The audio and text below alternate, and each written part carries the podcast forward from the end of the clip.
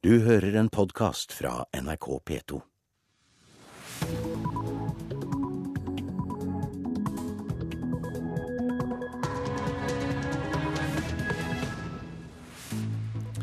Ja, vi har kommet fram til onsdag 2. oktober. Nå klokka 6.30 er dette overskriftene i Nyhetsmorgen. Mer fleksibilitet i næringslivet. Det krever norske bedriftsledere av den nye regjeringen. Det mener vi kanskje først og fremst vil tjene arbeidstakerne, men det vil selvfølgelig også tjene arbeidsgiveren. NHO-sjef Kristin Skogen Lund. Frp vil kutte kraftig i tallet på flyktninger fra andre land for å kunne ta imot 1000 flyktninger fra Syria. Nå er det flertall i Stortinget for søndagsåpne butikker. Andre religioner kan greie seg med mindre plass i skolen, sier biskopen i Borg. Og utbrytere fra Silvio Berlusconis parti kan redde den italienske regjeringen i dag.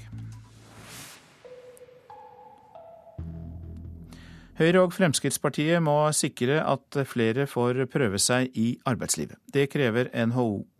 Arbeidsgiverne i Virke mener de borgerlige må sikre at gammeldagse regler om arbeidstid må endres. Det viktigste nå er å sikre at flere får jobb, sier sjef i NHO, Kristin Skogen Lund. Vi ønsker å få flere inn i arbeidslivet. Da tror vi det er riktig å åpne noe mer for midlertidige ansettelser. Vi vet at det fungerer veldig godt som et springbrett inn i arbeidslivet for de som står utenfor. Arbeidsgiverne mener at noen av arbeidsmiljølovens regler for hvordan vi jobber er gammeldagse og ønsker mer fleksibilitet. Vi tror alle parter vil tjene på å ha en, et rom for en større fleksibilitet i arbeidsmiljøloven. Men noen blir provosert av det og sier dere skal bare uh, gi folk mindre lønn?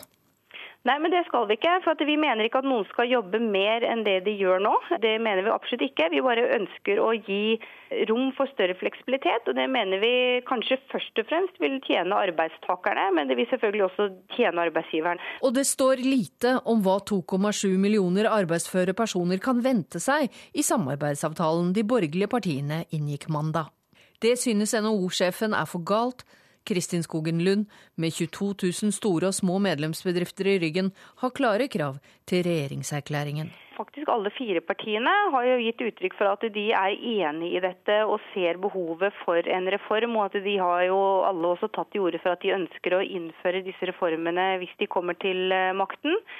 Så vi har jo et godt håp om at dette er noe de vil ta tak i ganske raskt. og det at det ikke var så fremtredende i den samarbeidsavtalen de har nå, det håper og tror vi at det kommer av at dette er de såpass enige om at det er derfor ikke de har fokusert på det i den avtalen. Og så ser vi frem til å høre hva de mener om det når vi ser en endelig regjeringserklæring. Også virkesjef Vibeke Madsen, som har over 17 000 bedrifter som medlemmer, har en lang liste med forbedringspunkter for arbeidslivet. Men hun mener den blå-blå regjeringen i alle fall må gjøre noe med arbeidstidsbestemmelsene. Ja, de har jo eh, vært opptatt av verdiskaping, de har vært opptatt av eh, omstilling i næringslivet. Det haster å få til omstilling, og bedriftene roper høyt når det gjelder modernisering av arbeidsmiljøloven. Og dette, arbeidstid, er det viktigste punktet, eh, hvor de da roper veldig høyt. Reporter her, det var Hedvig Bjørgum. Det er flertall i Stortinget for søndagsåpne butikker nå. Det flertallet utgjøres av Høyre, Frp og Venstre. Men Høyre og Frp sier til Aftenposten at det gjenstår å avklare den nye regjeringens holdning til søndagsåpne butikker i forhandlingene som nå pågår. Det er politisk velvilje til å åpne butikkdørene på søndager. Men både politikere og aktører i næringslivet er avventende til hva Høyre og Fremskrittspartiet vil komme fram til under regjeringsforhandlingene. Ved siden av Høyre og Frp varsler også Venstre at de vil si ja dersom et forslag om søndagsåpne butikker legges fram for Stortinget. Blant folket var det et knapt flertall mot søndagsåpent før valget. Folk i byene sier ja, men skepsisen er større på mindre steder, ifølge Vårt Land. De yngre generasjoner var mer positive til søndagsåpne butikker, men de over 40 vil stort sett holde hviledagen hellig. I dag setter lovverket en begrensning på hvilke butikker som kan ha åpen på hviledagen. Kun dagligvarebutikker under 100 kvadratmeter og utsalg som selger planter og hageartikler har lov til å ha søndagsåpent. Sa reporter Joakim Nyquist. Det brenner i et næringsbygg i Vestre gate i Porsgrunn i Telemark. Politiet melder at brannen har blusset opp igjen og Porsgrunnsbrua er stengt i begge retninger nå. Det var lenge fare for at flammene skulle spre seg til eldre trehusbebyggelse i nærheten, men brannmannskapene fikk ved firetiden kontroll på brannen. Men nå har den altså blusset opp igjen. Det forteller operasjonsleder Gisle Småge i Telemark politidistrikt. Ja, nå for ikke så veldig lenge siden så meldte brannvesenet at eh, brannen har blussa opp igjen. Etter at de rett før fire meldte at de hadde kontroll og hadde gått over til etterslukking. Så politiet har reist tilbake, og vi må sperre Porsgrunnsbrua i begge retninger. Norge må kutte kraftig i tallet på flyktninger fra andre land for å ta imot 1000 flyktninger fra Syria. Det mener stortingsrepresentant Christian Tybring-Gjedde fra Frp. De rød-grønne har gått inn for at eh, de 1000 syrerne skal komme i tillegg til de andre FN-flyktningene Norge tar imot. Det er ikke aktuelt, sier Tybring-Gjedde. Ja, Disse flyktningene slik jeg forstår, eh, skal da komme fra FN. De vil da inngå i den eh, ordinære FN-kvoten som eh, Norge har hvert eneste år, altså på 1200 flyktninger.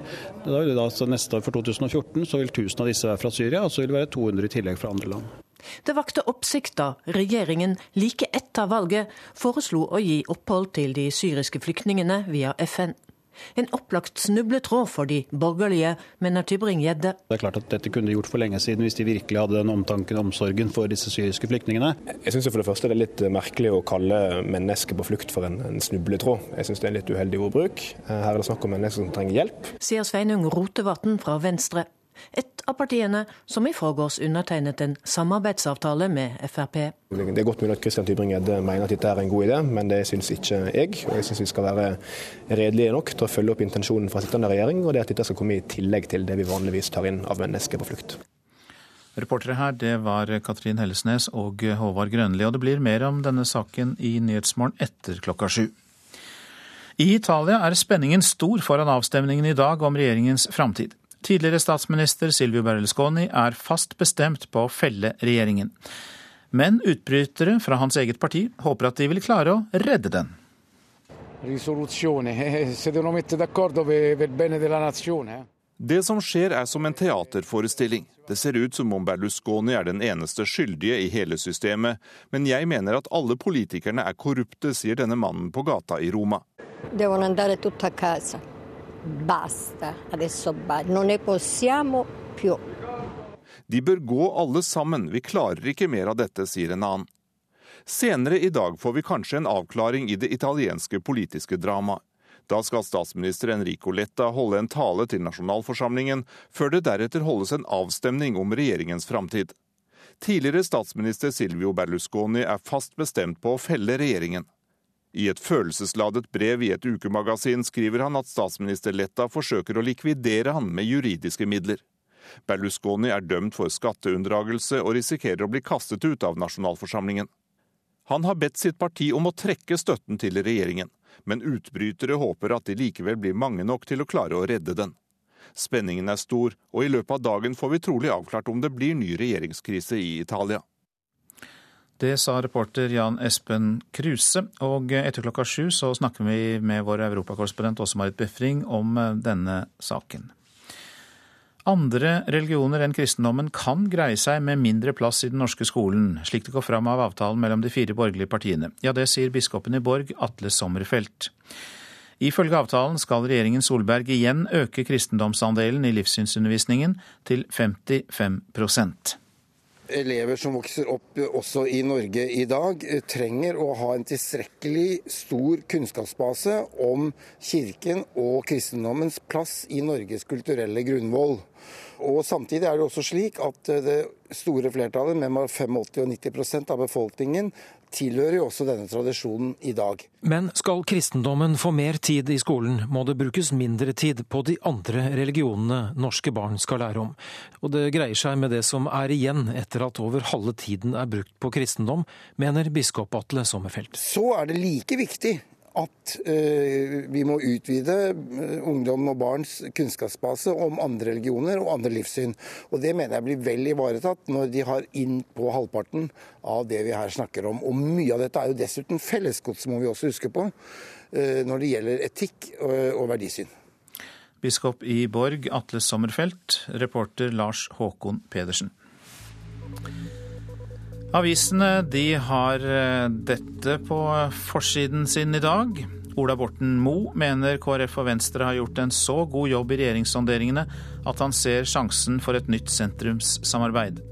Til Vårt Land skryter nestlederen i Senterpartiet av sonderingsinnsatsen for landbruket, alkoholpolitikken, kristendommen og for en restriktiv fosterdiagnostikk. Det er en mulighet for sentrum, men det blir ikke enkelt. Det sier Knut Arild Hareide til Nasjonen. For første gang på tolv år er alle de tre sentrumspartiene i opposisjon på Stortinget. Ledelsen i Kristelig Folkeparti og Senterpartiet er enige om at det åpner for ny samling i sentrum om viktige politiske saker.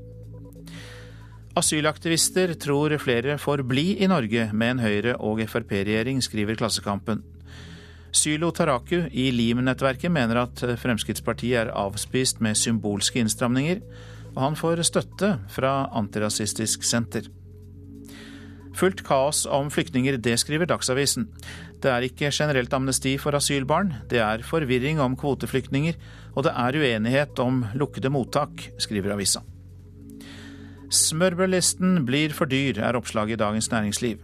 Økonomer tviler på at den nye regjeringen kan gjennomføre alle sine prosjekter, for tiltakene i samarbeidsavtalen mellom de fire borgerlige partiene er ikke tallfestet må utkjempe åpne slag i flere viktige saker, sier professor i statsvitenskap Bernt Årdal til Aftenposten. Høyre og Fremskrittspartiet mangler flertall for bistandspolitikk, kommuneøkonomi, mediepolitikk, inkludert vilkårene for NRK, samt bo- og driveplikten i landbruket.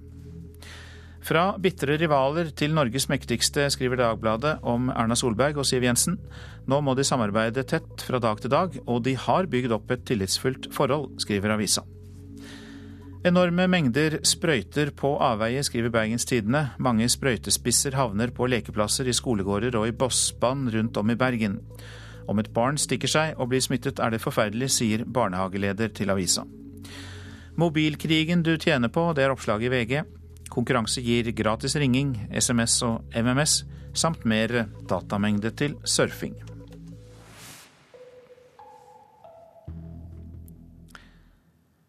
En av tre unge fikk i fjor nei på søknad om lærlingeplass. Også denne høsten står flere tusen ungdommer uten et sted å gå i lære.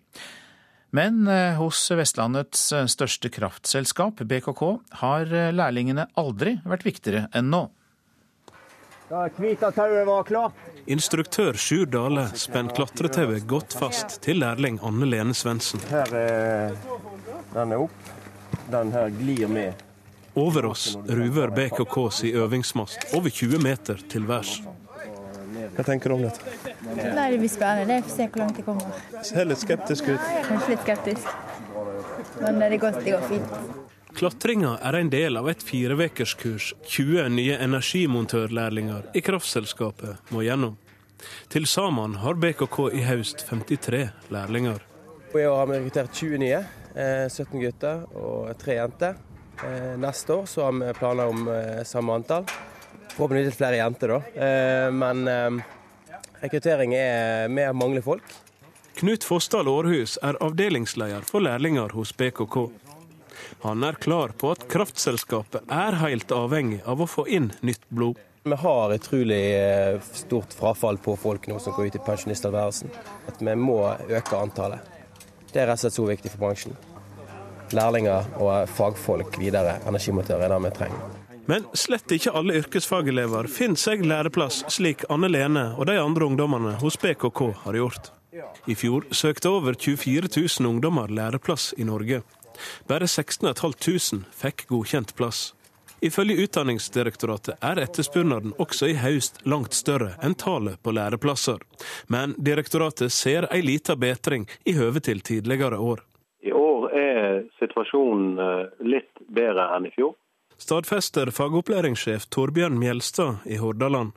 Vi har positiv utvikling i, i noen fag, bl.a. innenfor eh, elektrikerfaget, som vi har hatt problemer med over lang tid. Når det gjelder andre fagområder, så har vi noen utfordringer fortsatt knyttet til eh, bilmekaniker, industrimekaniker og yrkene som ligger oppunder det. Var det vanskelig å få tak i lærlingplass? Ja, jeg søkte mange steder, og det var bare BKK som svarte. Så hadde ikke jeg søkt hos BKK, tror jeg det kunne blitt veldig vanskelig. Fagopplæringssjefen mener mange bedriftsledere ikke tenker stort nok. Nå håper Mjelstad at storkonsernet BKK sin satsing vil inspirere andre. Spesielt der vi har for mange ungdommer som ikke får plass, og at man ser at med å løfte blikket litt, så, så kan man være med å bære fagopplæringen Tenke at de er en del av et utdanningssystem, og ikke bare inne for å rekruttere kortsiktig arbeidskraft. Ja, nå har du vært oppe en tur. Hvordan gikk det? Ja, jo, det gikk greit. Det kom ikke så veldig langt, men uh, det gikk greit. Litt enkelt. Hvis du ikke hadde fått lærlingplass, hva hadde du gjort da? Oh, nei, det vet jeg ikke. Jeg ble veldig skuffet først. Um, jeg søkte ikke meg inn på VG3, så jeg måtte ha funnet meg en annen jobb. Det har vært veldig kjipt. Men det er en del bedrifter, også store bedrifter, som kvier seg litt for å ta inn lærlinger. Hva vil du si til de? De må skjerpe seg. De må skjerpe seg og ta inn lærlinger. Lærlinger det er synd for en bedrift. Reporter Vidar Gudvangen.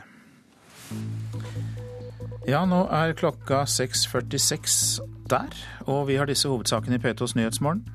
Frp vil kutte kraftig i tallet på flyktninger fra andre land for å ta imot 1000 flyktninger fra Syria.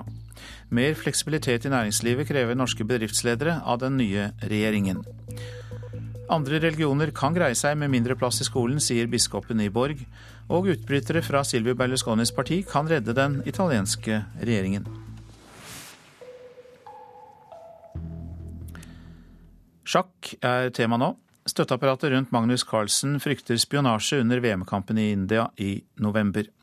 Tittelkampen blir sjakkspilleren sitt til viktigste, og da tar man alle forholdsregler. Det forteller Carlsens manager Espen Agdestein.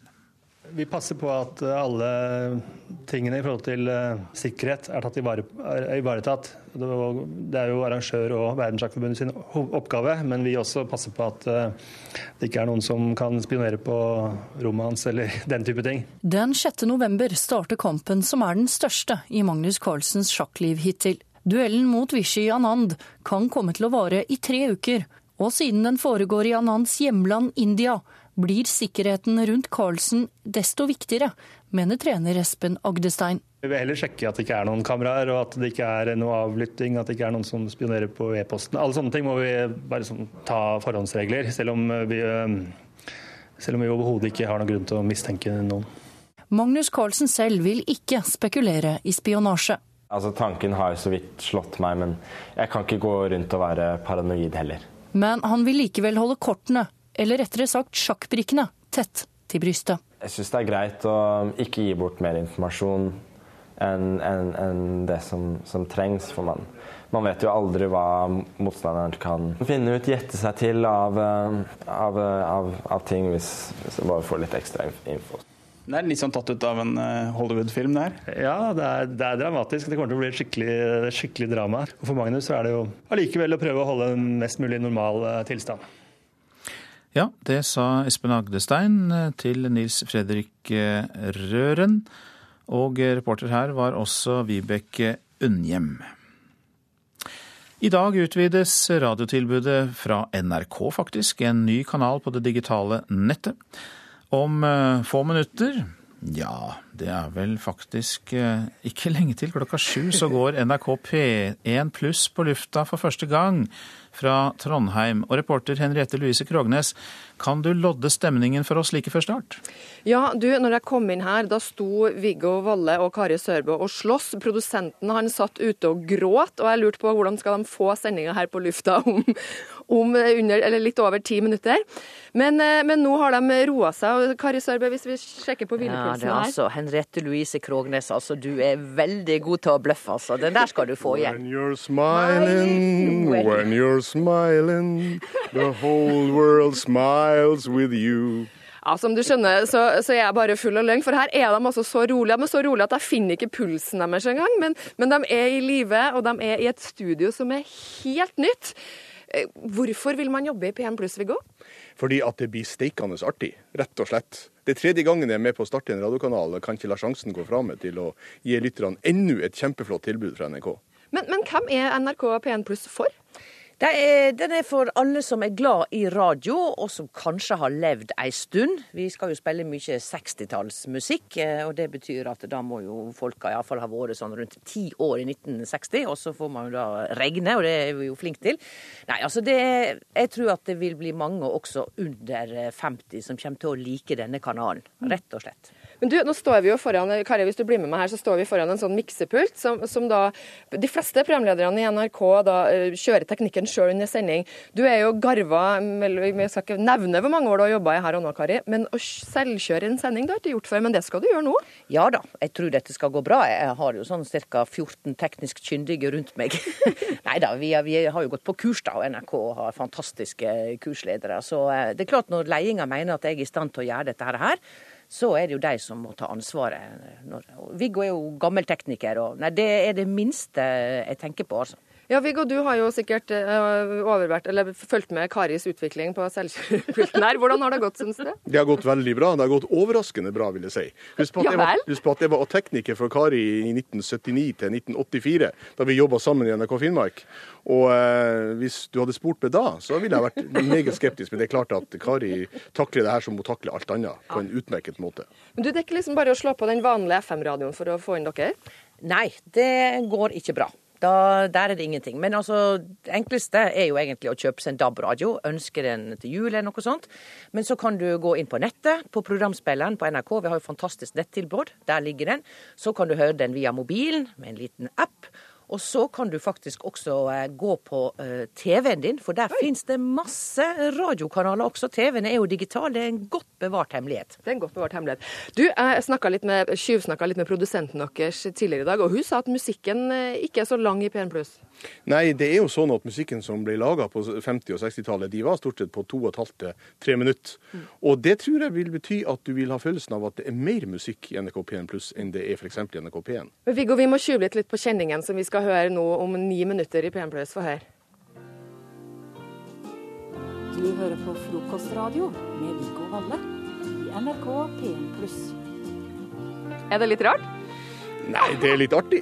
Ja. Det er en veldig fin uh, jinglepakke vi har laga til NRK P1+. Kanskje den fineste vi har i hele radioen. Mm, den fineste heter det. Det er den fineste. Det er åtte minutter igjen. Skal vi bare si lykke til? Vil dere synge dere ut? When you're smiling, when you're smiling, the whole world smiles with you. Ja, Kari Sørbø og Viggo Valle der, og reporter Henriette Louise Krognes. Og vi legger til at eh, halvtimen fra 6.30 til 7 før P1 Pluss eh, liksom starter for seg selv, så sender de faktisk Nyhetsmorgen. Kan være greit å vite. Språk- og kulturpolitikk er ikke nevnt i samarbeidsavtalen mellom de fire borgerlige partiene. Nå er landets kulturredaktører spent, og en av dem er leder i Noregs Mållag, Marit Åkre Tenne. Hun håper at Venstre og KrF står ved sine valgløfter om ikke å fjerne sidemålskarakteren i skolen. Vi eh, syns jo ikke at det var det beste som kunne skje at de to politiske partiene som har de på mange måter dårligste nynorskvedtakene nå danner regjering. Det sier leder for Noregs Mållag, Marit Åkre Tennø.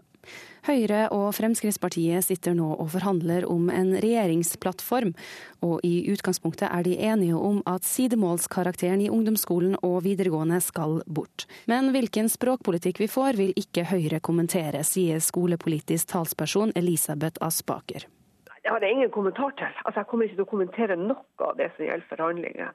Siden språkpolitikk ikke er nevnt i den nye samarbeidsavtalen mellom de fire borgerlige partiene, håper Mållaget at Venstre og Kristelig Folkeparti holder sine løfter om å beholde sidemålskarakteren og målloven. Vi hadde jo håpet at Venstre og KrF ville være med i ei sånn regjering og dra politikken eh, i rett lei for nynorsken. Det er jo selvfølgelig eh, leit at, eh, det, at en ikke har på en måte sikra seg på forhånd eh, noe om eh, hva slags nynorskpolitikk den nye regjeringa skal føre. Men eh, det gledelige er jo at, at, det mest sannsynlig vil være, ikke være flertall i, i Stortinget for verken å endre sidemålsordninga radikalt eller å å endre mållova. Og vi håper jo at, eh, at det tyder på da, at Venstre og KrF vil stå ved sine valglovnader og gjøre det vanskeligere eh, for den nye regjeringa eh, å endre språkpolitikken i Norge. Men verken Kristelig Folkeparti eller Venstre mener det er grunn til bekymring for sidemålsundervisningen.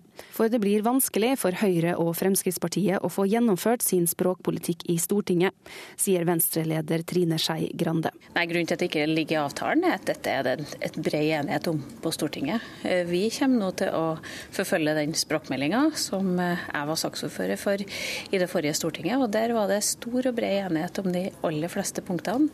Og, og mye av de eh, innrammingene som, som noen av partiene i regjering står for, er det ikke flertall for på Stortinget. Til slutt er Trine Skei Grande fra Venstre, og reportere var Eirin Venås Sivertsen og Christian Ingebretsen. Det kan bli julesalg før jul også i år. De siste årene har det stadig oftere vært salg og kampanjer, og sesongsalgene de starter tidligere og tidligere. Ja, altså jeg syns det er salg litt overalt hele tiden, jeg. De tre venninnene Frida, Emilie og Ingvild er på handletur på Oslo City. Rundt dem henger salgsplakater som lokker dem inn i den ene butikken etter den andre. Det har de ikke noe imot, sier Frida Christensen. Jeg syns det er um, gøy å shoppe seg. Bare se ting du har lyst på som er billigere enn det du trodde det skulle være. Da kjøper du mer òg.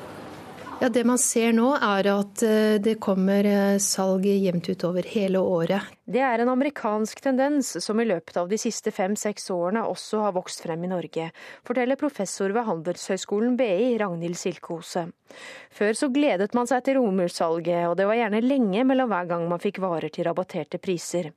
Nå deltar flere bransjer i det mer eller mindre kontinuerlige salgsmaratonet. Vi har sett eh, at det har vært i eh, sportsbransjen i lengre tid nå. Vi har sett det i elektronikk. Eh, vi ser det kommer i skobransjen, musikk eh, og også for klær. Så ser vi nå at det er mer og mer salg utover hele året. Det kan være flere årsaker til at salg skjer oftere og oftere. Eh, det som kan være en av forklaringene, er at produksjonskostnadene og innkjøpskostnadene på produkter er mye lavere. Noe som gjør at det eneste du har igjen å konkurrere på, er pris. Og da er det sånn at de som har eh, lavest kostnader internt i bedriften, er de som overlever da i det lange løp. En konsekvens av dette er f.eks. at klesprisene ikke har endret seg stort siden 90-tallet. Men, men, blir det ikke da bare egentlig en kamp om pris? Ja, det, det, er der vi må gjøre forskjellen. Da. At det er eh, vare på salg mer eller mindre hele året, er også noe handelsorganisasjonen Virke påpeker i deres nyeste konjunkturrapport. På handelskonferansen de arrangerte nylig, var mange av bransjeaktørene samlet for å diskutere nye måter de kan nå ut til kundene på. Det å ha salg, det betyr jo at eh, kundene føler at de gjør et godt kjøp. Sier sjefen for de tre sportsgigantene G-Sport, G-Max og Intersport, Espen Bråten. Sportsbutikkene tjener ikke alltid like mye på salgsvarene, men velger likevel å ha salg. Vi gjør det fordi at vi vet at kunden ønsker det, og vi må være der også i forhold til konkurransen. Når konkurrentene er på, har varer på salg, så vil jo ofte kundene bevege seg mot den kjeden, og da er vi også nødt til å være med på den konkurransen. Tilbake på Oslo City har de tre venninnene funnet noe de liker. At det hoper seg opp i klesskapet, syns de er helt greit. Man trenger jo alltid nye ting i skapet. det er jo Du får det jo billigere også, så du tjener jo på det. Ja, det mente Frida Christensen, som da var på handletur på Oslo City, reporter Sissel Kvalvik. Nå til et værvarsel fram til midnatt. Fjellet i Sør-Norge. Perioder med skyet vær lengst i sør, ellers til dels pent vær. Østlandet og Telemark for det meste oppholdsvær, perioder med sol, først på dagen lokal tåke. Agder liten kuling på kysten vest for Lindesnes. Oppholdsvær fra, for, fra i formiddag, utrygt for litt regn, riktignok. Først på dagen kan det bli litt lokal tåke i Agder. Rogaland sørøst liten kuling utsatte steder, på kysten stiv kuling, for det meste pent vær. Hordaland og Sogn og Fjordane sørlig liten kuling på kysten, fra i ettermiddag stiv kuling ved Stad, stort sett pent vær. Møre og Romsdal og Trøndelag stort sett pent. Nordland periodevis stiv kuling utsatte steder. Litt regn. Sør på Helgeland stort sett oppholdsvær. Så var det Troms og kyst- og fjordstrøkene i Vest-Finnmark. Stiv kuling utsatte steder. I kveld perioder med sterk kuling og regn. Øst-Finnmark og Finnmarksvidda liten kuling utsatte steder. Regn av og til. Nordensjøland på Spitsbergen sørvest liten kuling utsatte steder. I kveld dreiende nordvestlig. Enkelte sludd- eller snøbyger. Temperaturer klokka fem. Svalbard lufthavn én grad. Kirkenes fire. Vardø seks. Alta åtte grader, Tromsø-Langnes ni, Bodø 12, Brønnøysund 11, Trondheim-Værnes tre, Molde fem, Bergen-Flesland sju grader. Kristiansand-Kjevik fem, Gardermoen null, Lillehammer to. Røros står for eneste minusnotering, det er minus fire grader der, og Oslo-Blindern pluss én grad. Du hører en podkast fra NRK P2.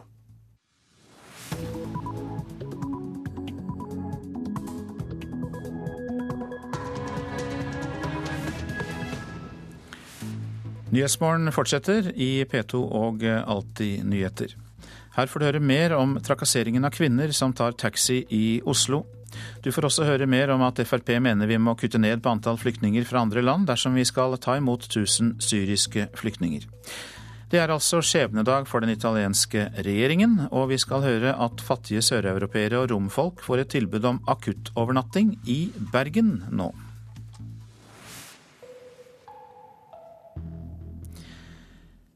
Som vi hørte i Dagsnytt, kvinner blir seksuelt trakassert når de tar drosje i Oslo.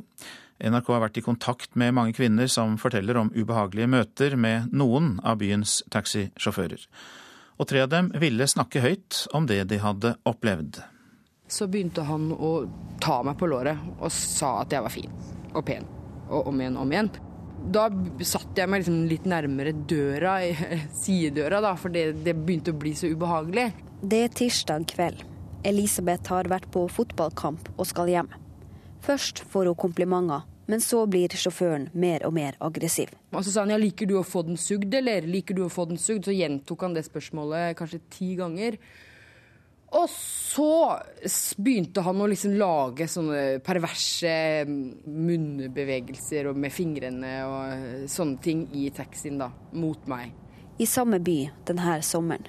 Marie tar taxi sammen med to venninner men når de er sluppet av, sitter Oslo-jenta igjen i forsetet med en fremmed hånd på låret. Så vi kjører da to kvartaler, og så sier jeg da kan du stoppe her. Og da begynner han å stryke meg på låret. Så får han til å stoppe, og så løper jeg bare ut. Når taxidøra slår igjen bak deg, skal du være trygg. NRK har vært i kontakt med titalls kvinner som forteller om gjentatt trakassering i taxier. Tre av dem, som ikke vil stå frem med fullt navn, vil likevel snakke høyt om drosjesjåførene som vil mer enn å kjøre bil. Kristina er den tredje. Flere ganger har hun blitt spurt om å betale alternativt. I vår ble det fysisk. Ei hand som eh, sniker seg opp etter skjørtekanten og på et lår i ei tynn strømpebukse. Den er ikke til å misforstå. Det største selskapet i hovedstaden, Oslo Taxi, har behandla 30 saker om trakassering så langt i år. Norgestaxi har registrert seks saker. Mens Oslo Taxi ikke vil si hva konsekvensene har vært for sjåførene, forteller daglig leder i Norgestaxi Erlend Eidsvoll at sjåførene blir tatt inn til en samtale. Noen mener at eh, det lå i samtalens art at kunden eh, oppfordret til samtale som var av en eh, litt sånn flørtende karakter eller seksuell karakter. Noen kjenner seg ikke igjen, og noen innrømmer det som var, og ser også innser det selv at det var utpassende. Min personlige oppfatning er at de sjåførene må vekk fra yrket, for de har ikke noe i vårt yrke å gjøre. Sier Glenn Tuxen, fylkesleder for Oslo i Norges Taxiforbund. Ja, ja det, det, ja, det er han sitter i taxien sin og blar gjennom arkene med historier fra kvinner. Mønsteret er nok dessverre at det er annen etnisk opprinnelse. Det viser jo de, de få du dokumenterer. Eh, det går nok antageligvis på holdninger. Elisabeth, Marie og Kristina bekrefter at sjåførene har hatt bakgrunn fra andre land enn Norge. Jeg skulle ønske at jeg ikke hadde så mye å si om det, men eh, det er helt klart at dette i de tilfellene som jeg har hatt ubehagelige opplevelser, så har det vært fra Afrika eller Midtøsten. Men jeg har også tatt mange taxiturer med folk fra disse områdene som det ikke har vært noe problem. Norges Taxiforbund anbefaler kvinner som blir trakassert om å klage til taxiselskapene. Marie har begynt å ta bilde av taxien før hun setter seg i, men er provosert over at hun føler at hun må det. Jeg blir rasende på alle kvinners vegne. fordi at det, dette her, selv om det er en, um, en privat bransje, så, så, utøver de en samfunnstjeneste. Og man bør være trygg når man sitter i en drosje. Reporter her, det var Kristine Svendsen. Med oss fra studio i Trondheim er du Mons Bendiksen, førsteamanuensis ved Psykologisk institutt ved NTNU. Du har forsket på seksuell trakassering. Og hva er det du tror ligger bak når taxisjåfører trakasserer kvinnelige passasjerer? Ja, jeg tror nok folk forstår at det er mennene som kjører drosje, de er opptatt av å signalisere til kundene sine at de er interessert i sex. Uh, og bruke disse kommentarene og de handlingene her krenkende handlinger for å sjekke ut om kunden deres er, er med på notene, og om det kan bli noe mer enn bare en drosjetur. Så det man kan si er at eh, sjåførene fordreier eller feiltolker virkeligheten? De omdefinerer iallfall uh, turen, som er egentlig en, en kontrakt, en profesjonell kontrakt om å bringe en kunde til et bestemmelsessted omdefinere den turen til en mulighet for å sjekke opp eh, kunden. Og eh, det som foregår i drosjen, eh, slik vi har hørt i innslaget her, er jo at noen av sjåførene tolker f.eks. Vennlig, vennlighet fra, fra kundene, smil, at vi flirer litt. og og er imøtekommende som at de er interessert, at de er seksuelt interessert. Og det forskninga som jeg gjør, vitner om at menn veldig ofte i betydelig grad feiltolker signal i retning av at kvinner er mer seksuelt interessert enn det det er grunn for å tro. Vi hørte at Glenn Tuxen eh, fra Norges Taxiforbund i saken her sa at mønsteret er at sjåføren har en annen etnisk opprinnelse, ikke norsk. Eh, hva kan det si oss? Eh, litt vanskelig å si noe helt bestemt om det. Det er jo for det første et, et moment her at en stor andel av de sjåførene som kjører på, på kvelder og helger, er jo av utenlandsk opprinnelse. Eh, men de kommer jo fra en kultur hvor, eh, hvor kvinners rettigheter står mye svakere, og hvor, hvor, kvinner beveger seg mye mindre i det offentlige rom. Og Det kan selvfølgelig være en del av den problematikken her. Og at de tolker da signal for kvinner på en bestemt måte ut ifra sin kulturelle kontekst. Men jeg mener jo det er problematisk å, å skjære alle over en kam her og, og, stigmatisere en hel gruppe. Det syns jeg ikke det er grunnlag for å gjøre. Når du altså har forsket på seksuell trakassering, kan du da også gi oss eh, noen råd om hva taxiselskapene kan gjøre for å hindre det? I dette tilfellet med de sjåførene det gjelder, så er det jo fokuset på profesjonaliteten som jeg mener selskapene må ta fatt i. Og, og de som har drosjeløyve, som er eiere av drosjer. Eh, for det er sånn, sånn at eh, det er en kontrakt mellom en kunde og en, en tjenesteyter. Eh, og som kunde så skal du kunne bli frakta trygt uten noen form for risiko hjem, hjem, eller dit du ber om å bli kjørt. Og jeg syns det her mangler eksemplene mangler, eller vitner manglende profesjonalitet. Og er jo veldig farlig for drosjenæringas eh, renommé. Så drosjenæringa bør ta det her meget alvorlig og, og, og være opptatt av renommeet sitt. Og om de skal luke ut sjåfører som blir foreslått her, om de skal kurse dem eller gjøre dem oppmerksom på at det her er bare en drosjetur, du har en jobb å gjøre. Eh, hva kunden gjør i bilen din, det har du ingenting med. Altså, du, du skal frakte den personen dit som er avtalt. Mons Bendiksen, takk skal du ha. Du er førsteamanuensis ved Psykologisk institutt ved um, NTNU. Norge må kutte kraftig i tallet på flyktninger fra andre land for å ta imot 1000 flyktninger fra Syria. Det mener stortingsrepresentant Christian Tybring-Gjedde fra Frp. Den rød-grønne regjeringen har gått inn for at de 1000 syrerne skal komme i tillegg til de andre FN-flyktningene Norge tar imot hvert år. Men det er ikke aktuelt, sier Tybring-Gjedde. Ja, Disse flyktningene slik jeg forstår, eh, skal da komme fra FN. De vil da inngå i den eh, ordinære FN-kvoten som eh, Norge har hvert eneste år, altså på 1200 flyktninger. Da vil det da, neste år for 2014 så vil 1000 av disse være fra Syria, og så vil det være 200 i tillegg fra andre land. Men er ikke det veldig lite, altså 200 utenom den syriske kvoten. Det blir jo nesten ingen da fra resten av verden. Eh, må du huske på at uh, snittet de siste årene har vært 17 000 uh, som har fått opphold i Norge på bakgrunn av asylsøknader. Uh, det 1200 utgjør bare en liten andel av de 17 000. det vi snakker om her er altså kvoteflyktninger fra FN. Det er noe helt annet enn totale asylsøkerantallet. Frp har ikke gjort noe vedtak om saken, men Tybring-Gjedde får full støtte fra nestleder Per Sandberg. Det vakte oppsikt da regjeringen like etter valget foreslo å gi opphold til de syriske flyktningene via FN. En opplagt snubletråd for de borgerlige, mener Tybring-Gjedde. Det er altså 700 000 syriske flyktninger som visstnok står i kø. og det er klart at Dette kunne de gjort for lenge siden hvis de virkelig hadde den omtanken og omsorgen for disse syriske flyktningene. Eh, men det har altså en enorm kostnadsside for Norge, og vi har kommet til at det er en eh, helt naturlig konsekvens av dette. Det er altså en ny regjering, og det er en ny regjeringspolitikk som må ligge til grunn, ikke den forrige. Jeg syns for det første det er litt merkelig å kalle mennesker på flukt for en, en snubletråd. Jeg syns det er en litt uheldig ordbruk. Eh, her er det snakk om mennesker som trenger hjelp. Og det mener jeg er en hjelp Norge bør gi dem. Sier Sveinung Rotevatn fra Venstre. Et av partiene som i forgårs undertegnet en samarbeidsavtale med Frp. Det er godt mulig at Christian Tybring-Gjedde mener at dette er en god idé, men det syns ikke jeg. Og jeg syns vi skal være redelige nok til å følge opp intensjonen fra sittende regjering, og det at dette skal komme i tillegg til det vi vanligvis tar inn av mennesker på flukt. KrF opplyser at dette ikke har vært noe tema under regjeringssonderingene mens det i Høyre henvises til partiledelsen, som sitter i regjeringsforhandlinger på Sundvolden. Det sa reporter Katrin Hellesnes, og Håvard Grønli bidro også til dette innslaget. President i Norges Røde Kors, Sven Mollekleiv, velkommen til oss. Hjertelig takk. Du er jo ikke politiker, men du kan belyse dette området for oss. Så la oss eh, se på de syriske flyktningene først. Hvordan er situasjonen for dem? Ja, det er en eh, dramatisk, kritisk situasjon for eh, folk inne i Syria. Det er over 4,3 millioner mennesker som er fordrevet inne i eget land.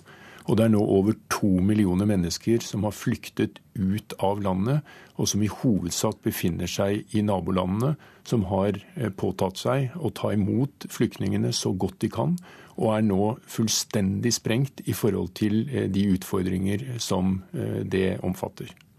Hvordan er mottaket av syriske flyktninger i andre skandinaviske land?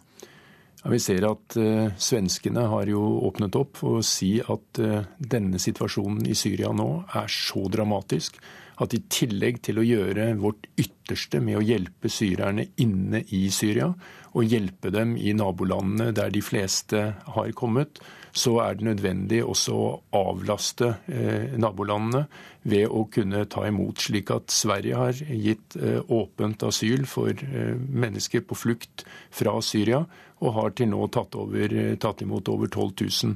Danskene har også sagt at de gir alminnelig asyl, dvs. Si at asylsøkerne ikke trenger å dokumentere at de er individuelt, personlig forfulgt fra Syria, fordi situasjonen er så eh, åpenbar.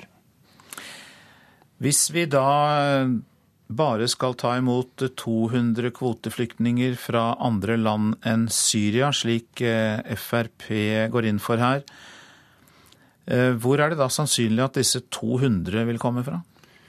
Ja, vi ser eh, at det fortsatt er eh, betydelig konflikt i Afghanistan. Det er mange som fortsatt flykter fra eh, Irak. Det er glemte konflikter i Kongo, hvor situasjonen er desperat for, for mange. Og det er konfliktområder andre steder i verden hvor mennesker flykter for sitt liv og har behov for å søke havn i sikkerhet for å overleve. Hvilke råd gir Norges Røde Kors til norske myndigheter om flyktningsituasjonen? For det første så er vi alle enige om at det aller viktigste er å hjelpe enda mer og mer eh, effektivt inne i Syria. Eh, dessverre er det slik at vi er alene om å ha tilgang i hele landet. Og vi ønsker også at eh, FN og alle andre humanitære organisasjoner får fri tilgang. Det er det viktig at Sikkerhetsrådet gjør. Så er det viktig at man hjelper nabolandene til å kunne ta imot. De er nå totalt sprengt, hvis vi ser hva Libanon har eh, tatt. Jordan Vi etablerer nå verdens største krigshospital på grensen mellom Jordan og Syria. Eh, og vi ser også hvordan Irak eh, og Iran og Tyrkia også tar imot.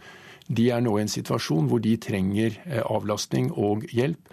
Og da er det naturlig at verden stiller opp for det som i dag er verdens største humanitære katastrofe, som er en helt ekstraordinær og en ekstrem situasjon. Vi må hjelpe inne i Syria, vi må hjelpe nabolandene, men vi må også avlaste ved å kunne gi hjelp til de syrerne som eh, ønsker å komme eh, til eh, andre land utenfor regionen. Mange takk skal du ha, president i Norges Røde Kors, Sven Mollekleiv. Du lytter til Nyhetsmorgen. Klokka den passerte nettopp 7.17, og vi har disse hovedsakene. Ja, som vi hørte, For å ta imot 1000 flyktninger fra Syria må Norge kutte kraftig i antall flyktninger fra andre land. Det mener Frp. Mer fleksibilitet i næringslivet krever norske bedriftsledere av den nye regjeringen. Andre religioner kan greie seg med mindre plass i skolen, sier biskopen i Borg. Og vi skal straks høre mer om at utbrytere fra Silvio Berlusconis parti kan redde den italienske regjeringen.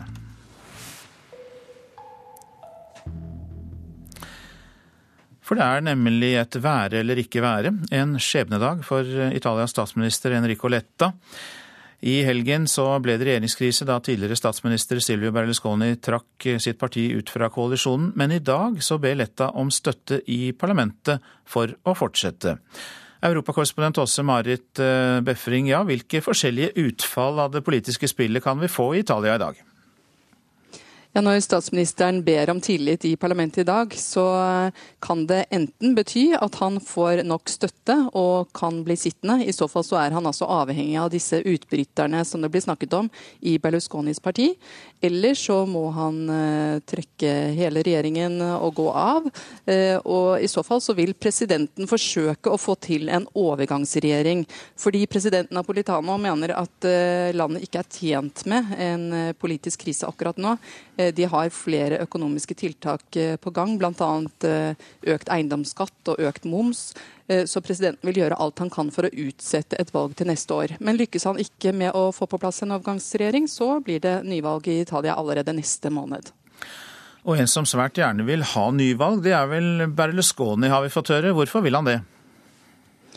Ja, Det blir jo sagt om Berlusconi at han driver med politikk ut fra egeninteresse. Og milliardæren er jo verken tjent med økte skatter eller å bli kastet ut av Senatet, som er det scenarioet som også står foran han nå. Eh, nå på fredag så skal senatorene komme sammen igjen for å eh, stemme over Berlusconis sete der. Eh, det er jo flere runder her, men det blir ganske avgjørende hva som skjer de nærmeste par ukene for han. Og Grunnen til dette er jo at han eh, dømt eh, og er ansett som kriminell, og dermed så kan han ikke sitte i parlamentet. Men han har jo nå siden denne dommen for to måneder siden forsøkt å få statsministeren og presidenten til å gi han en slags immunitet, slik at han fortsatt kan sitte. Og i et brev som han nå har tenkt å publisere i morgen, så står det at Eh, han mener at statsministeren og presidenten ikke kan stoles på, eh, fordi han selv risikerer å miste denne plassen i Senatet. Eh, og han skriver at hvordan kan folk som ikke forsikrer seg, eller sikrer at jeg overlever i politikken, stoles på. For å komme med et stalltips på tampen også, Marit Befring. Hvor sannsynlig er det at statsministeren blir sittende, altså Enrico Letta? Ja, Det er jo selvfølgelig veldig vanskelig å si noe om nå. Men det dreier seg om rundt 20 stemmer. Altså Han mangler eh, rundt 20 stemmer i Senatet for å ha et flertall og kunne bli eh, sittende. Eh, ut fra det som man nå har hørt, hvis man skal tro på ryktene, så virker det som om den tidligere, eller om innenriksministeren, om vi fortsatt kan kalle han det, Angelino Alfano, som er fra Berlusconis parti, eh, det virker som om han har fått med seg flere utbrytere som ønsker å støtte Letta. Eh, og Letta var selv ganske oppløftet når vi så han sist, så det kan kanskje tyde på at det går mot at han får den støtten han trenger. Takk skal du ha, også Marit Befring. USA utviser tre diplomater fra Venezuela. Det skjer etter at tre amerikanske diplomater i går fikk beskjed om å forlate Venezuela. De ble anklaget for å ha planlagt sabotasjeaksjoner mot regjeringen i landet. I en uttalelse fra det amerikanske utenriksdepartementet heter det at påstandene er grunnløse, og at eh, de bare er med på å skade forholdet mellom USA og Venezuela. I Brasil har politiet brukt tåregass mot lærere som demonstrerte for høyere lønn. Demonstrantene blokkerte gater i Rio de Janeiro og sørget for at flere T-banestasjoner måtte stenge. Lærerne i Rio de Janeiro har nå streiket i 46 dager i protest mot et nytt lønnssystem.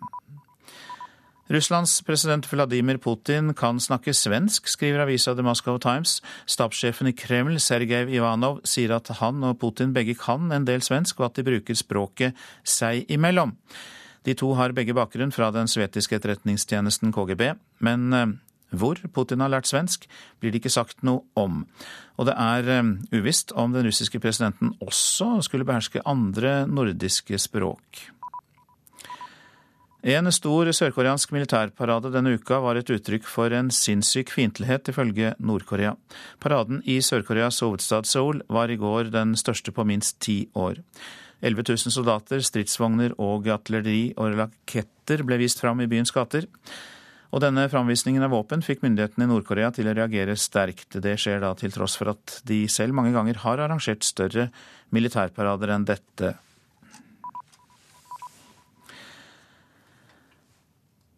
Nå til en av republikkene i det tidligere Jugoslavia, Bosnia-Hercegovina. Der er de i gang med en historisk folketelling, og det er den første som selvstendig nasjon.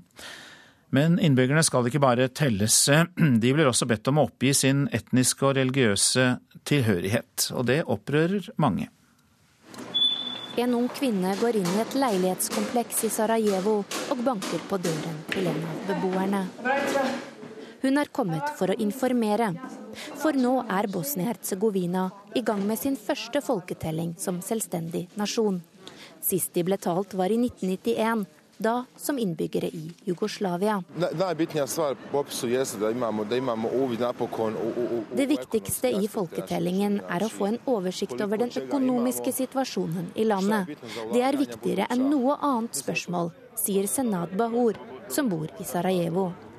Men ikke alle er enige i det.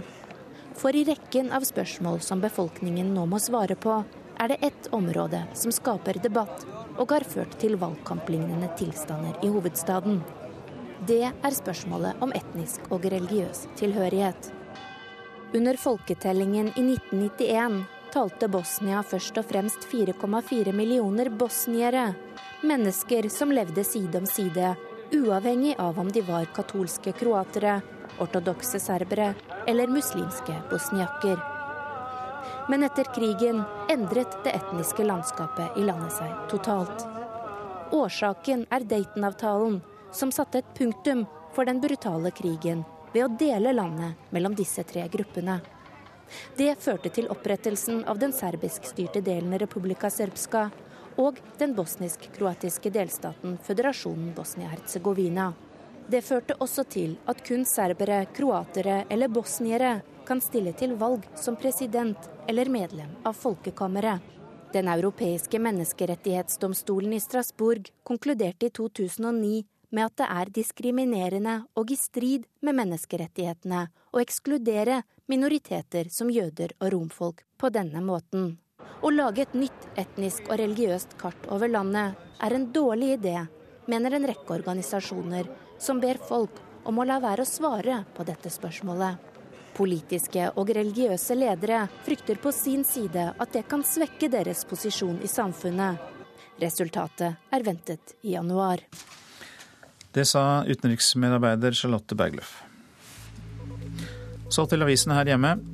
Ola Borten Moe mener KrF og Venstre har gjort en så god jobb i regjeringssonderingen at han ser sjansen for et nytt sentrumssamarbeid. Til Vårt Land skryter nestlederen i Senterpartiet av sonderingsinnsatsen for landbruket, alkoholpolitikken, kristendommen og for en restriktiv fosterdiagnostikk. Det er en mulighet for sentrum, men det blir ikke enkelt, sier Knut Arild Hareide til Nasjonen. For første gang på tolv år er alle de tre sentrumspartiene i opposisjon på Stortinget. Ledelsen i Kristelig Folkeparti og Senterpartiet er enige om at det åpner for en ny samling i sentrum om viktige politiske saker. Asylaktivister tror flere får bli i Norge med en Høyre- og Frp-regjering, skriver Klassekampen. Sylo Taraku i Lim-nettverket mener at Fremskrittspartiet er avspist med symbolske innstramninger, og han får støtte i det synet fra Antirasistisk Senter. Smørbrødlisten blir for dyr, er oppslaget i Dagens Næringsliv. Økonomer tviler på at den nye regjeringen kan gjennomføre alle sine prosjekter, for tiltakene i samarbeidsavtalen mellom de fire borgerlige partiene er ikke tallfestet. Fra bitre rivaler til Norges mektigste, skriver Dagbladet om Erna Solberg og Siv Jensen. Nå må de samarbeide tett fra dag til dag, og de har bygd opp et tillitsfullt forhold, skriver avisa.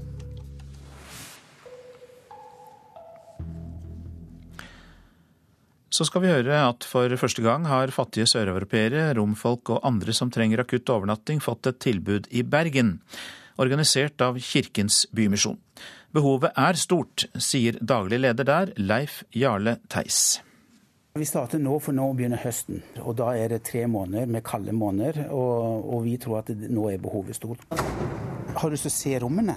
15 kroner skal det koste å få seg ly for natta i en av de 24 sengene fordelt på to sovesaler som Kirkens Bymisjon har leid til formålet. Her er det 12, eller vi setter inn 14.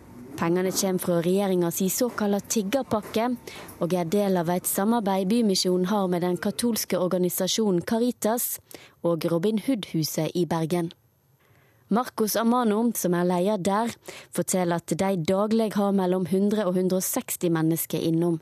Det er vanskelig å si hvor mange som bor på gata eksakt. Det har vi ikke gode tall på. Men det vi så forrige vinter og vinteren 2011-2012, var at det var en god del mennesker som eh, bodde på gata over lengre tid og fikk eh, store helseproblemer pga. det. En av de som nylig har kommet hit, er Beshram fra Polen. Han forlot nylig familien og sønnen sin på fire år for å dra på leit etter en jobb i Norge. Why? Uh, because I want better future for my son, and I think so this country is better start for him. Beshram forteller at han gikk 150 km til fots før han fikk haik da han kom fra Oslo til Bergen. Hos Bymisjonen er rommene i ferd med å bli klare til i kveld. Theis tror de kan komme til å bety mye. Det vi gjør nå, det kan være den forskjellen som, som er for noen, til at de greier å komme seg over en kneik. Reporter i Bergen, det var Eli Fossdal Våge. Dette er P2s eh, Nyhetsmorgen. Færre fattige får studielån i USA. Andelen svarte og fattige studenter går ned. Hør mer i reportasjen etter Dagsnytt. I Politisk kvarter er eh, miljøpolitikk tema. Prosent for Nyhetsmorgen Ulf Tannes Fjell. Her i studio Øystein Heggen.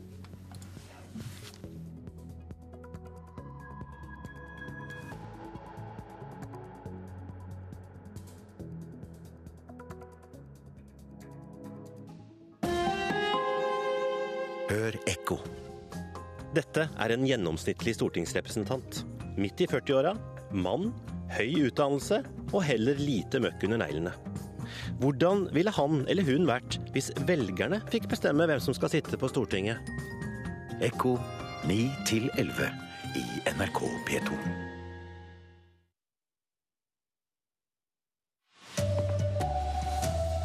Kvinner i Oslo føler seg utrygge i taxi, blir befølt og seksuelt krenket av sjåfører. Det er på tide å gjøre arbeidslivet mindre gammeldags, det krever bedrifter. Og det er frykt for spionasje under sjakk-VM. God morgen, her er NRK Dagsnytt klokken 7.30. Kvinner blir seksuelt trakassert når de tar drosje i Oslo. NRK har vært i kontakt med mange kvinner som forteller om ubehagelige møter med noen av byens taxisjåfører. Ei hånd som eh, sniker seg opp etter skjørtekanten og på et lår i ei tynn strømpebukse. Den er ikke til å misforstå. Og så begynte han å eh, spørre meg åssen sexlivet til meg og kjæresten min var. Og da begynte, kjente jeg, da begynte jeg å frike ut, og så sa han noen sånne ting som eh, Liker du å suge? Når taxidøra slår igjen bak deg, skal du være trygg. Men NRK har vært i kontakt med et titalls kvinner som forteller om gjentatt trakassering i taxier. Tre av dem som ikke vil stå frem med fullt navn, vil likevel snakke høyt om drosjesjåførene som vil mer enn å kjøre bil. Så vi kjører da to kvartaler, og så sier jeg da kan du stoppe her. Og da begynner han å stryke meg på låret. Så får han til å stoppe, og så løper jeg bare ut. Det er et par ganger hvor jeg har blitt eh, spurt om jeg vil betale alternativt. Det største selskapet i hovedstaden, Oslo Taxi, har behandla 30 saker om trakassering så langt i år. Norges Taxi har registrert seks saker. Mens Oslo Taxi ikke vil si hva konsekvensene har vært for sjåførene, opplyser Norges Taxi at de anklaga blir tatt inn til en samtale.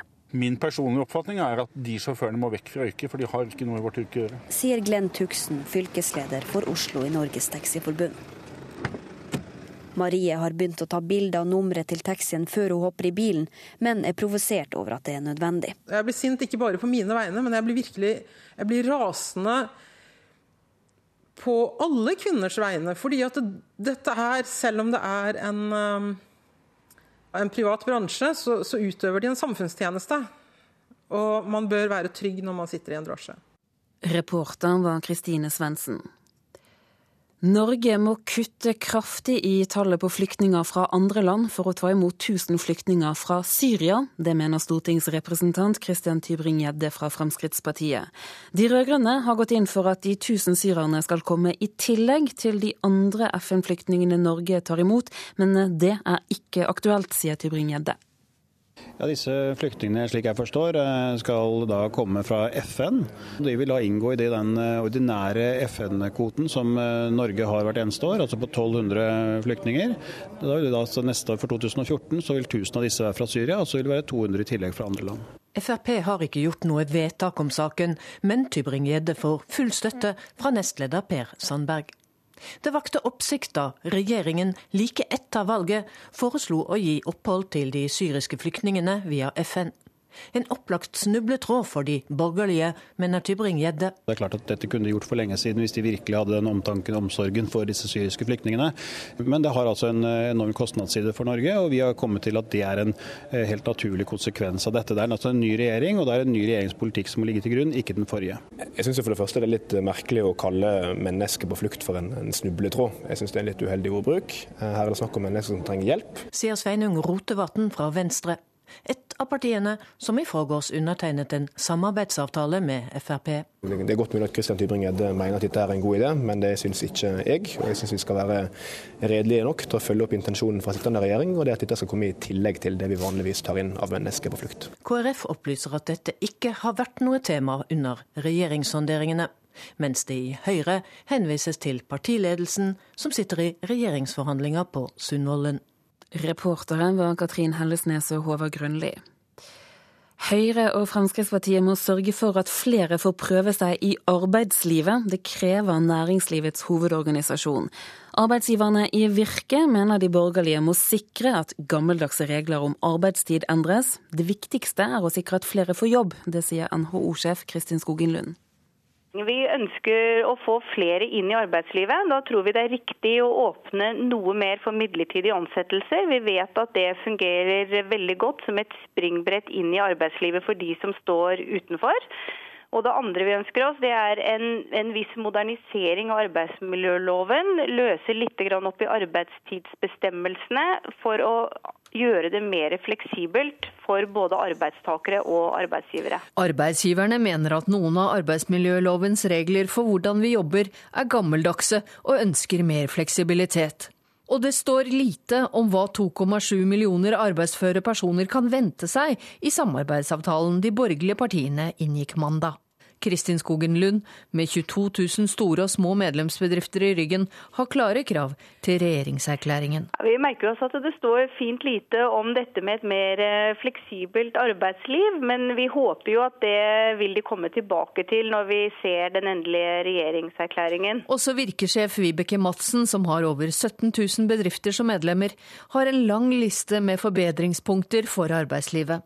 Men hun mener den blå-blå regjeringen i alle fall må gjøre noe med arbeidstidsbestemmelsene. Ja, de har jo vært opptatt av verdiskaping, de har vært opptatt av omstilling i næringslivet. Det haster å få til omstilling, og bedriftene roper høyt når det gjelder modernisering av arbeidsmiljøloven. Og arbeidstid er det viktigste punktet. Reporter Hedvig Bjørgum. I Italia er det stor spenning foran avstemningen om regjeringens fremtid i dag. Tidligere statsminister Silvio Berlusconi er fast bestemt på å felle regjeringen, men utbrytere fra partiet hans håper at de vil klare å redde den. Risoluzione, eh, se devono mettere d'accordo per bene della nazione. Det som skjer er som en teaterforestilling. Det ser ut som om Berlusconi er den eneste skyldige i hele systemet, men jeg mener at alle politikerne er korrupte, sier denne mannen på gata i Roma. Senere i dag får vi kanskje en avklaring i det italienske politiske dramaet. Da skal statsminister Enrico Letta holde en tale til nasjonalforsamlingen, før det deretter holdes en avstemning om regjeringens framtid. Tidligere statsminister Silvio Berlusconi er fast bestemt på å felle regjeringen. Berlusconi er dømt for skatteunndragelse og risikerer å bli kastet ut av nasjonalforsamlingen. Han har bedt sitt parti om å trekke støtten til regjeringen, men utbrytere håper at de likevel blir mange nok til å klare å redde den. Reporter Jan Espen Kruse. Radio Norge og P4 ber NRK holde seg unna de mest attraktive lytterne når de lager nye radiokanaler. I dag starter NRK P1 Pluss for godt voksne lyttere. Hei, det er Hanne Hoftun. Mandag klokka 11 er det Jukebox på NRK P1 Pluss. Med P1 Pluss starter NRK for alvor slaget om de digitale radiolytterne. Konkurrentene P4 og Radio Norge ønsker den nye kanalen velkommen. Det kan det gjøre fordi P1 Pluss-lytterne gir lite reklamekroner i kassen. NRK må slutte etter min mening å løpe etter de kommersielle målgruppene 20-50 år. P4-sjef Kalle Lisberg sier NRK lett kan kvele de kommersielle kanalene, og ber om at statskanalen viser hensyn. Noe Bernhard Steen, sjef i Radio Norge, er enig i. Jeg syns vel NRK skal ha ganske stor frihet, men jeg håper jo at de bruker den friheten til å lage kanaler som ikke konkurrerer med de kommersielle stasjonene. Marius Lillelien kan ikke love å holde seg unna kjernelytterne til de kommersielle, men sier likevel NRK skal fremstå som et tydelig alternativ. Vi vil gjøre det på en annen måte enn de kommersielle, og på med et, et annet mangfold og et større annet innhold. Reporter Thomas Alverstein Ove. Den norsk-pakistanske filmskaperen Deya Khan vant i natt en internasjonal Emmy-pris for beste dokumentarfilm. Dokumentaren hennes A Love Story handler om æresdrapet på en ung kurdisk-britisk jente. Støtteapparatet rundt sjakkspiller Magnus Carlsen frykter spionasje under VM-kampen i India i november. Dette er Carlsens største tittelkamp hittil, og da tar man alle forholdsregler, sier manager Espen Agdestein. Vi passer på at det ikke er noen som kan spionere på rommet hans eller den type ting. Den 6. november starter kampen som er den største i Magnus Carlsens sjakkliv hittil. Duellen mot Vishy Anand kan komme til å vare i tre uker, og siden den foregår i Anands hjemland India, blir sikkerheten rundt Carlsen desto viktigere, mener trener Espen Agdestein. Vi vil heller sjekke at det ikke er noen kameraer, og at det ikke er noe avlytting, at det ikke er noen som spionerer på e-posten. Alle sånne ting må vi bare sånn, ta forhåndsregler, selv om vi, selv om vi overhodet ikke har noen grunn til å mistenke noen. Magnus Carlsen selv vil ikke spekulere i spionasje. Altså, tanken har så vidt slått meg, men jeg kan ikke gå rundt og være paranoid heller. Men han vil likevel holde kortene, eller rettere sagt sjakkbrikkene, tett til brystet. Jeg syns det er greit å ikke gi bort mer informasjon enn en, en det som, som, trengs. Reporter Vibeke Unnhjem. Ansvarlig for sendingen Elin Pettersen og Beate Haugtrø. Her i studio Turi Grønbekk.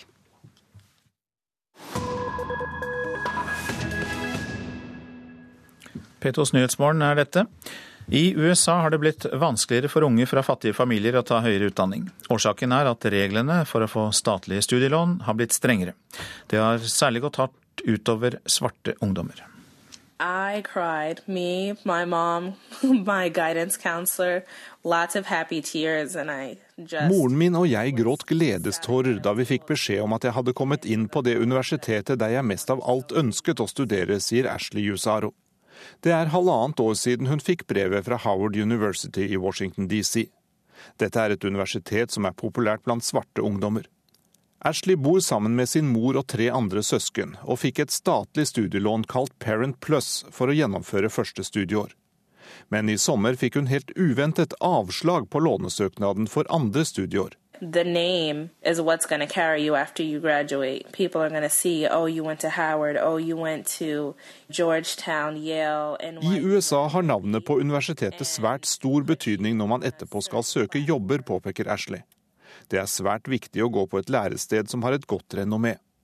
Den unge kvinnen ble tvunget til å slutte på Howard University og begynne på et offentlig universitet i New Jersey. Også Parent Plus-lånene gis nå på grunnlag av en kredittvurdering av familien, og reglene har blitt strengere. Det har ført til en kraftig nedgang i antallet studenter, spesielt på universiteter som har rettet seg inn mot svarte ungdommer.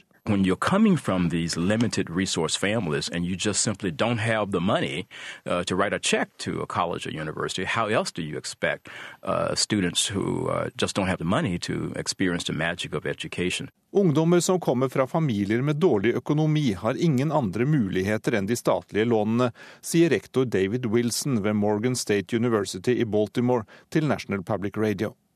Han og mange andre synes det er ille at den amerikanske regjeringen har strammet inn på denne muligheten for vanskeligstilte ungdommer til å komme ut av fattigdommen. Or yellow or whatever. Now the issue is I can't afford to attend these schools. And Parent Plus was a tool før var det slik at fargede ikke slapp inn på de fremste amerikanske universitetene, sier Johnny Taylor fra The Thurgood Marshall College Fund, en organisasjon som arbeider for svartes utdanningsmuligheter. Nå holdes mange utenfor fordi det har blitt så dyrt å studere, hevder han, og understreker at Parent Plus-programmet var et viktig redskap for å rette opp skjevhetene. Men den amerikanske utdanningsministeren forsvarer politikken. Loan, grants um, fact. So sure right there, again, debt Hvis studentene og deres familie blir nektet lån i Parent Plus-programmet, finnes det andre muligheter, sier utdanningsminister Arnie Duncan. Han mener det er viktig at de som neppe klarer å betale tilbake studielånene, får et nei i utgangspunktet. På Howard-universitetet i den amerikanske hovedstaden sier studentene at en del av deres venner har måttet gi seg. Of uh, your Instagram followers are at work. What? Most of your friends that you expect to be going to class are posting that they're going to work. You've noticed that? I've noticed that. Vi merker at det er færre som følger undervisningen. De sier at de må arbeide istedenfor å studere, sier Nurika Clark, som fortsatt har råd til å studere ved universitetet i Washington DC. Sa reporter Jan Espen Kruse. Dette er Petos Nyhetsmorgen, og dette er hovedsaker i dag. Kvinner i hovedstaden blir seksuelt trakassert når de tar drosje. Norges Taxiforbund sier at sjåfører som trakasserer kvinner seksuelt, må få sparken. Frp vil kutte kraftig i tallet på flyktninger fra andre land for å ta imot 1000 flyktninger fra Syria. Og utbrytere fra Silvio Berlusconis parti kan redde den italienske regjeringen. Nå er det Politisk kvarter og programleder Bjørn Myklebust. Det er dag to av regjeringsforhandlingene på Sundvolden. Men hva koster det å si nei til å bli med?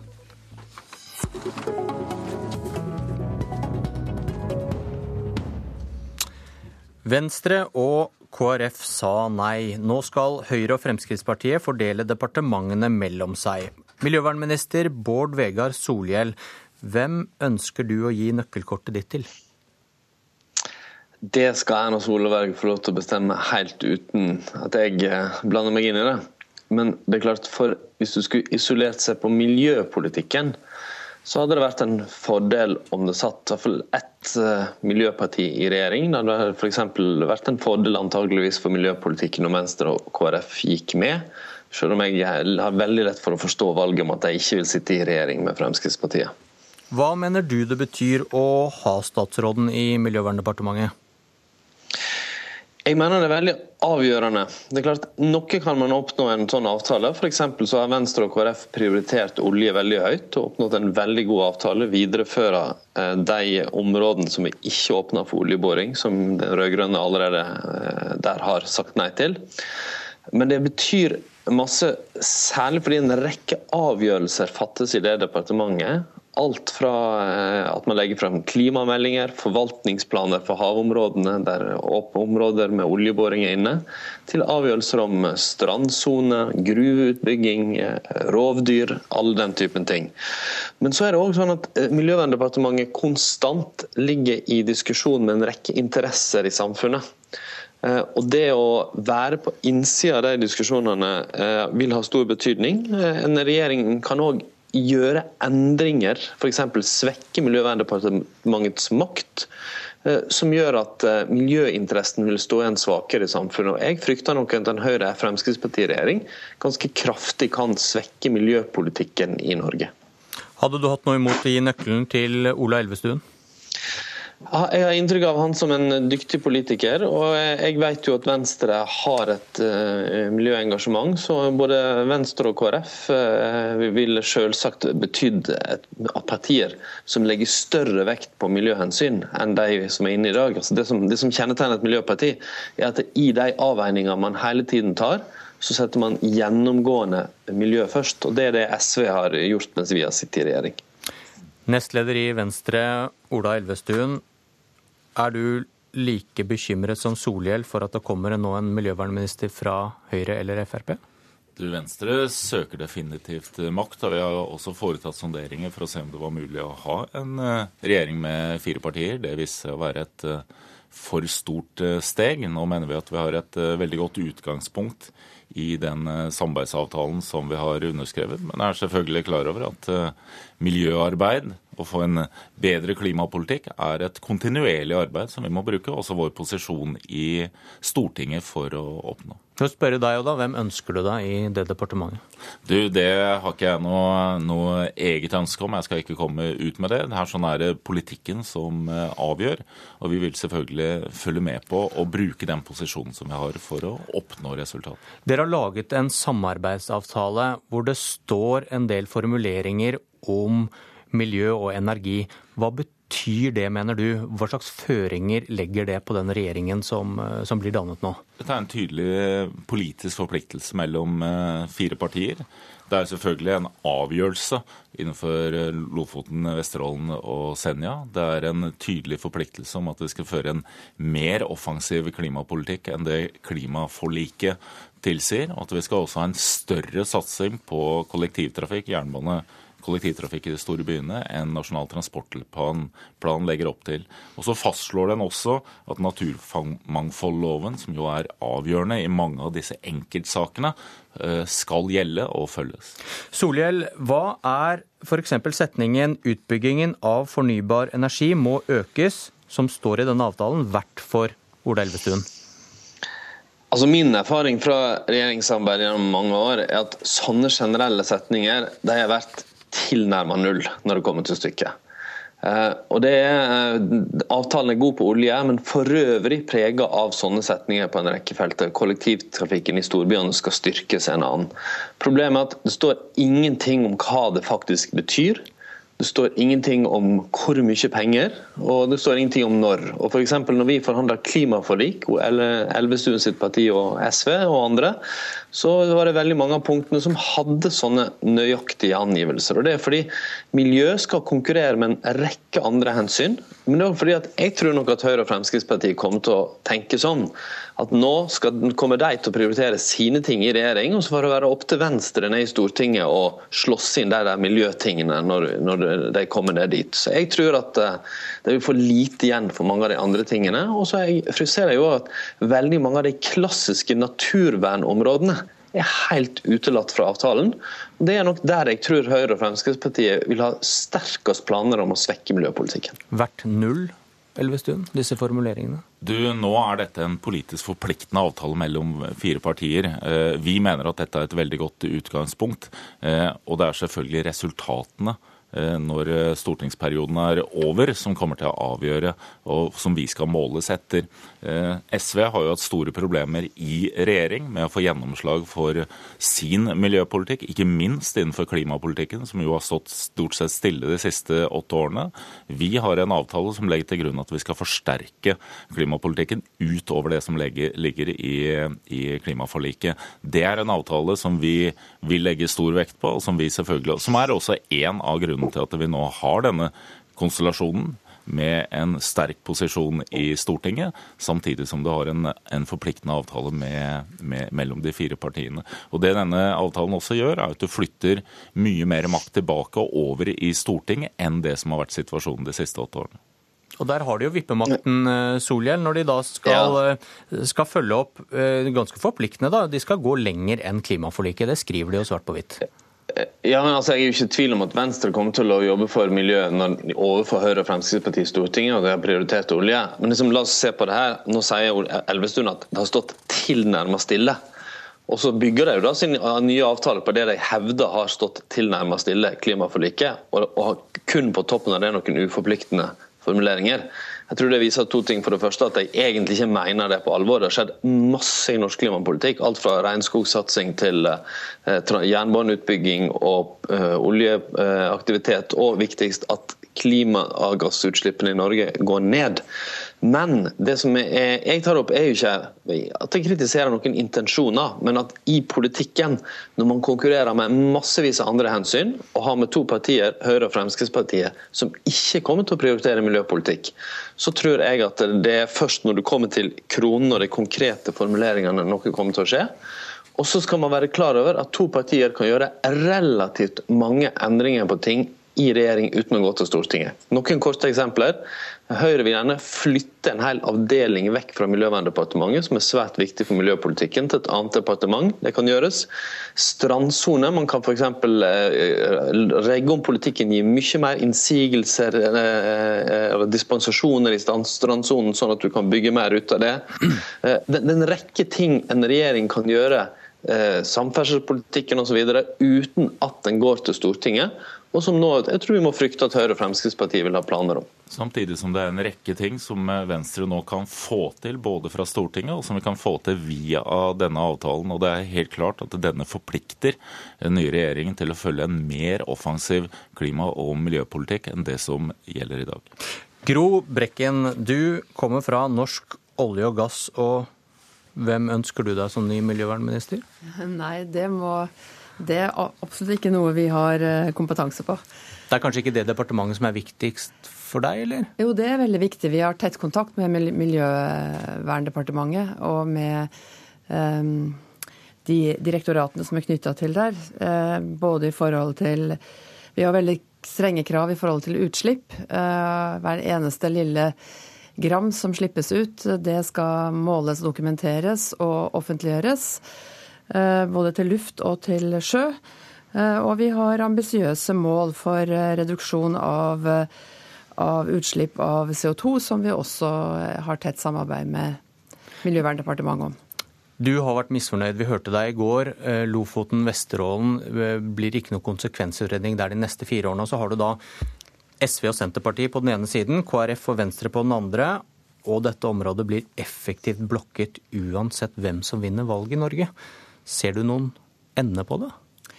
Altså, jeg er bekymra for uh, Først jeg skuffa fordi Fremskrittspartiet og Høyre var så tydelige på at de ønska å fullføre den kunnskapsinnhentingen som har vært gjort av den regjeringen vi nå har, til en konsekvensutredning. Og få avklart det som viste seg å være den største utfordringen. Det er på en måte forholdet til fiskeriene i Lofoten, Vesterålen uh, særlig, som pågår hele året. Eh, og vi mener at gjennom en konsekvensutredning så kunne man få avklart på hvilken måte og hvilke rammer man eventuelt skulle legge for en oljevirksomhet hvis man skulle ha, og så ta en beslutning. Og Den kunnskapen får man nå ikke frem. Fordi man har altså latt de to små partiene, Venstre og Kristelig Folkeparti, som ikke har noen mandater i det hele tatt i Nord-Norge, få bestemme fremtida til, til, særlig til Nordland fylke og mulighetene der. Men er Lofoten og Vesterålen så viktig for oljeindustrien? Det er jo gjort enorme funn andre steder. Ja, det er jo ikke, er jo ikke altså Olje- og gassindustrien er jo på en måte funnene, og så er det, så er det oljeindustrien. Norske myndigheter har jo klart noe som ingen andre land har klart med sånne ressurser. De har klart å få å utvikle en industri, en livskraftig og teknologidrivende industri, som er kjempeavansert og veldig stor og verdensledende. Norsk sokkel er verdensledende. Eh, på offshore i eh, og den ledertrøya det er liksom ikke noe som vi fortsetter å ha. Vi må, hvis vi ikke har nye utfordringer å bryne oss på hele tiden. Eh, og vi mener at dette her kan ha betydning for norsk sokkel sin konkurransekraft på sikt. Pluss at når det vi snakker om er jo tida mellom 2025-2030, når vi vet at det vil være plass i infrastrukturen på gass f.eks., og det vil være behov for mer olje og gass. Og vi må av klimahensyn være i stand til å love Europa mer naturgass, slik at det ikke bare blir sittende igjen med kull. Ola Elvestuen, du kan vel berolige Brekken med at oljeutvinningstempoet kommer til å dure på som det har gjort, for dette står det ingenting om i samarbeidsavtalen? Nei, Det som vi har eh, her sånn er en helt ty tydelig avtale for at vi ikke skal ha konsekvensutrede med Lofoten, Vesterålen og Senja. og Den tar også med seg at det ikke skal være petroleumsaktivitet på andre områder, med ørefeltene Jan Mayen, iskanten, Skagerrak. Eh, så der er, der er for, forpliktelsen. Men dere har, er... fått, dere har, ikke fått, inn noen forpliktelse om at uh, oljealderen skal uh, se sin solnedgang snart? At vi har en sterk oljeindustri og petroleumsindustri i Norge, det har vi, og det kommer vi til å ha i mange år eh, framover. Her sånn er jo den viktige forpliktelsen som ligger i avtalen, gjelder jo den forsterka klimapolitikken som vi skal eh, føre, som også vil ha konsekvenser for eh, oljeindustrien. Og så er vi jo i en internasjonal situasjon hvor ikke bare Norge, men verden må ta på alvor den, den globale oppformingen som vi står overfor. Og det vil skje endringer også internasjonalt i åra framover. Hvis vi skal ha noen som som helst mulighet for å nå det togradersmålet som ligger til grunn. Når vi nå sier så tydelig klart nei på Lofoten Vesterålen, så er ikke vi fornøyd med denne avtalen. Fra Venstre vi ønsker et varig vern av områdene utenfor Lofoten og Senja. Og så er jo det selvfølgelig fordi dette er den siste robuste torskestammen i verden. Det er et helt unikt havområde. Nærmere 4% av fiskeriressursene internasjonalt gyter i dette området. Og det vil være helt feil å gå inn med oljeaktivitet her. Kan jeg, bare, kan jeg bare få si at eh, den regjeringen vi har, eh, det har jo, altså siden vi har miljøvernministeren på Skype her, eh, har jo vært, lyktes veldig bra i å prøve ut og støtte opp under bruk av elbiler i Norge. Det er jo kjempefint. Jeg skulle ønske at den nye regjeringen også viste interesse for naturgass, og de forsøkene som nå pågår på å få trailere og skipsfart over på naturgass. Det, er, det, skjer internasjonalt, og vi kan bidra sterkt inn i det. Solhjell, til slutt her. Blir det noe annerledes for oljenæringen med et borgerlig flertall? Altså, det, det, tror jeg ingen av oss vet, for det kommer an på regjeringa og den politikken de fører. Når det gjelder de uåpna områdene, så videreføres den rød-grønne politikken. og Det finnes vel ingen områder i Norge vi har mer kunnskap om enn akkurat Lofoten. Så vi har nok kunnskap til å si nei der. Men så, det, Når det gjelder klimapolitikk, så er det jo ikke bare Miljøverndepartementet, men òg departementer som Finansdepartementet, Samferdsel og Olje og energi som er viktig samferdsel. fordi eh, Hvis man skal pøse på med enda mer veiutbygging, så vil det være negativt for klimapolitikken. Finansdepartementet, fordi avgifter, f.eks. avgiftsfritaket på elbil, og at man har økt bilavgiftene på mer forurensende biler, har vært et enormt viktig virkemiddel. Så Det viser at hold i hvert fall Fremskrittspartiet òg lengst unna de viktigste klimadepartementene. Og sørg for at det ikke bare blir Miljøverndepartementet, men også andre departementer som arbeider sammen for en mer klima, offensiv klimapolitikk. Det vil være viktig. Dag to er snart i gang. Ola Elvestuen, Bård Vegar Solhjell og Gro Brekken, takk for at dere var med i Politisk kvarter. Jeg heter Bjørn Myklebust. Du har hørt en podkast fra NRK P2.